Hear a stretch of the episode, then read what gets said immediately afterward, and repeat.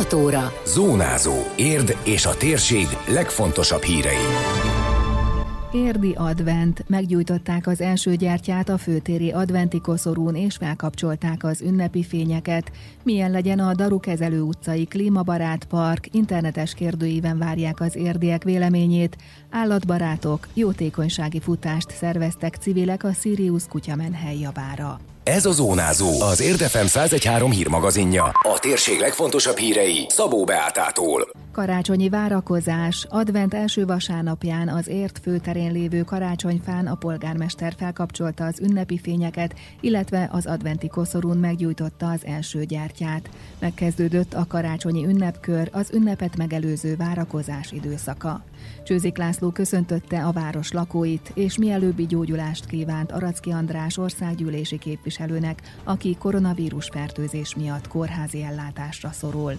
Az első gyertya az adventi koszorún a hagyomány szerint a hitet jelképezi, amely különösen fontos ebben a nehéz időszakban, mondta. Hozzátéve, advent a magunkban való elmélyülés, a lelki megtisztulás, a másokkal való törődés, gondoskodás időszaka is. Én azt kérem mindenkitől, és azt kívánom mindannyiunknak, hogy a karácsonyig hátralévő időszakban a szokottnál is nagyobb figyelmet fordítsunk egymásra, különösen azokra, akik betegek, akik magányosak, és azokra is, akik nélkülöznek, hogy a fény győzedelmeskedni tudjon a sötétség felett. És végezetül azt kívánom még, hogy ez a gyertya, ez égjen Érdváros országgyűlési képviselőjért, Aracki Andrásért is, aki nagyon beteg, kórházban fekszik, és küzd a koronavírus ellen. Azt kívánom neki, hogy gyógyulj meg minél hamarabb, és térj haza szeretteidhez. A főtéri karácsonyfát 160 üveggömb, 150 masni és 90 cukorpálca díszíti, illetve 370 méternyi fényfüzér. Ünnepi fények világítanak a Városi Galéria, az önkormányzat és a Polgárok háza épületén is, valamint a városközponti útvonalak mentén lévő oszlopokon és egyre több lakóházon is. A központi és a bemtéri körforgalomban álló fenyőfákat ezen a héten öltöztetik díszbe, de Ófaluban és Érdligeten is köztéri karácsonyfák jelzik az ünnep közelettét. Süni garázs, rovarhotel, gyíkvár, béka barlang, ilyen és ehhez hasonló természetes attrakciókat is kialakítanának Érd első klímabarát parkjában, a Darukezelő utcában. A lakók is beleszólhatnak, hogy miként valósuljon meg, internetes kérdőíven várja a városvezetés az itt élők véleményét. A jelenleg kihasználatlan zöld területen szakemberek és civilek bevonásával egy olyan parkot szeretnének létrehozni, amely valódi találkozási pont lehet a kikapcsolódni, mozogni, illetve a természetbe vágyók számára.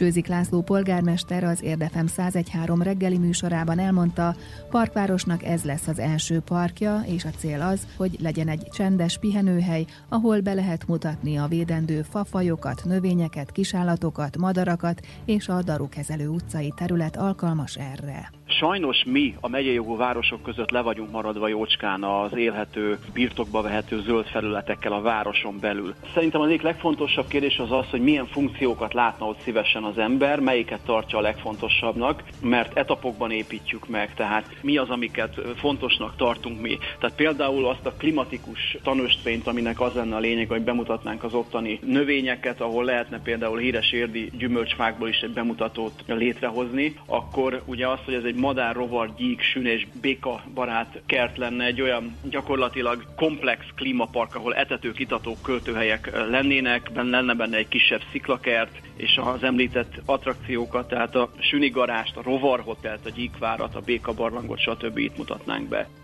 A tervezett klímabarát park egy körülbelül három háztömbnyi területen kap helyet, a megvalósítása nem megy a fontos feladatok és célok rovására, például emiatt nem újul meg kevesebb út, emelte ki a polgármester.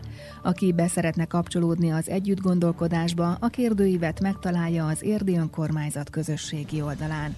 De a városlakóknak nem csak a véleményére számítanak, hanem az önkéntesek aktív közreműködésére is, hiszen így a park létrehozása egy közösségi élmény lenne, és mindenki magáénak érezné, fejtette ki Csőzik László. Tervezünk bele egy fűszerszigetet, egy közösségi kertet. Szeretnénk, ha lenne része egy olyan közösségi tér, ahol például hétvégente vagy havonta helyi termelői piacot és biopiacot lehetne szervezni, ahol fel lehetne állítani egy kicsi színpadot, szabatéri elő előadásokat, beszélgetéseket lehetne környezetvédelmi témákban tartani, akkor egy biztonságos bográcsozó tűzrakóhely, nyilvánvalóan játszótér szóba jöhet, padok, beszélgetőhely, és aztán olyan kuriózumok, mint a meditációs rét is, és hát végül a kerületén kialakításra kerülhető futópálya vagy kocogópálya. És akkor ezekre lehet szavazni, meg arra, hogy hát milyen gyakran látogatná az ember, hogy menne oda, tehát inkább a bringás parkolás részesítsük előnyben, vagy pedig az autóst. És hát a szintén nagyon fontos kérdés, hogy részt venne ön a park kialakításában. A városvezető szerint még ebben az évben elkezdődhet a munka, egyből két millió forintos költségvetés van erre a célra, majd kora tavasszal a konkrét megvalósítás is elindulhat. A tervek szerint évről évre folytatnák a projektet, mert más helyeken is szeretnének hasonló parkokat létrehozni. A városvezetés emelni akarja az építményadót, közölte ismét sajtótájékoztatóján Témészáros András, az érdi Fidesz elnöke. A polgármester korábban cáfolta, hogy mindenkire vonatkozó emelésre készülnének. Épp most jött a hír, hogy fölkerült a képviselő oldalra az újabb adóemelésnek a szándéka. Az építményadót óhajtják 440 forintról per négyzetméter 1000 forintra emelni. Ez már egy előterjesztés. A politikus azt is mondta, hogy az e-heti tájékoztatóján elmagyarázza mindazokat a titkokat, amelyek az adóemelés hátterében vannak. Csőzik László a korábbi hasonló kijelentésekre reagálva hangsúlyozta, hogy csak azon vállalkozások számára emelnék az építményadót, amelyek a tulajdonukban lévő társasházakat bérbeadják, de a magánszemélyek esetében nem lesz növelés azoknál sem, akik albérlőt fogadnak. A tájékoztatóról összefoglalót olvashatnak az Érdmoston.